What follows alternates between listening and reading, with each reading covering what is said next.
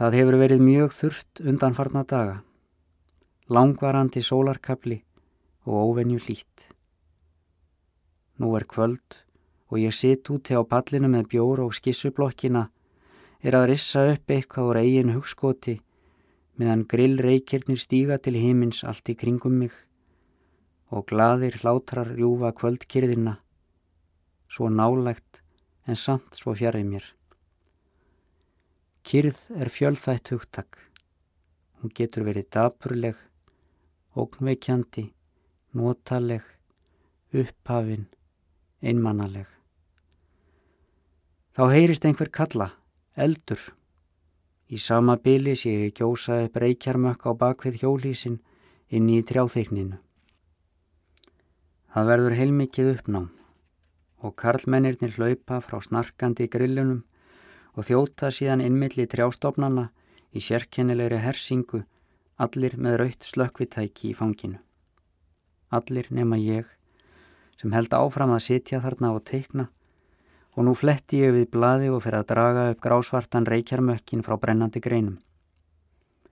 Sjálfsagt hafa smá strákar verið að fykta þarna með eldspítur. Ég man þegar ég var lítill og kveikti á rælni í gamalli síldarnóti í hjöllunum utan við bæin heima.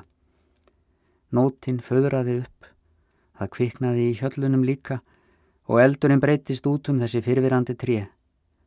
Brunaliði kom og svo lögreglan og ég stóð hjá stjarfur af óta.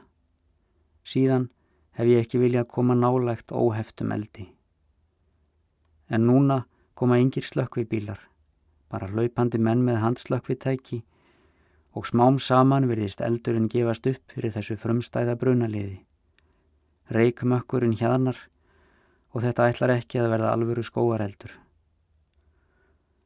Ég hef lesið um mann sem bjó í skói og elskaði skógin en fór ógætilega með eld og kveikti í skóginum og lifði upp frá því með brennandi sektarkjent yfir að hafa kveikt í því sem hann þótti vænstum. Allir drepa indið sitt. Eldurinn hefur greinilega verið slögtur að fullu. Reikurinn sem var þarna yfir hefur greiðist sundur út í kvöldlóftið. Hins vegar ríkur enn upp af grillunum og konurnar eru komnar til að standa vörðum kjötið svo það verði ekki eins og brunarústir meðan eigin menn þeirra er það útmá þessi draugað skóareldi.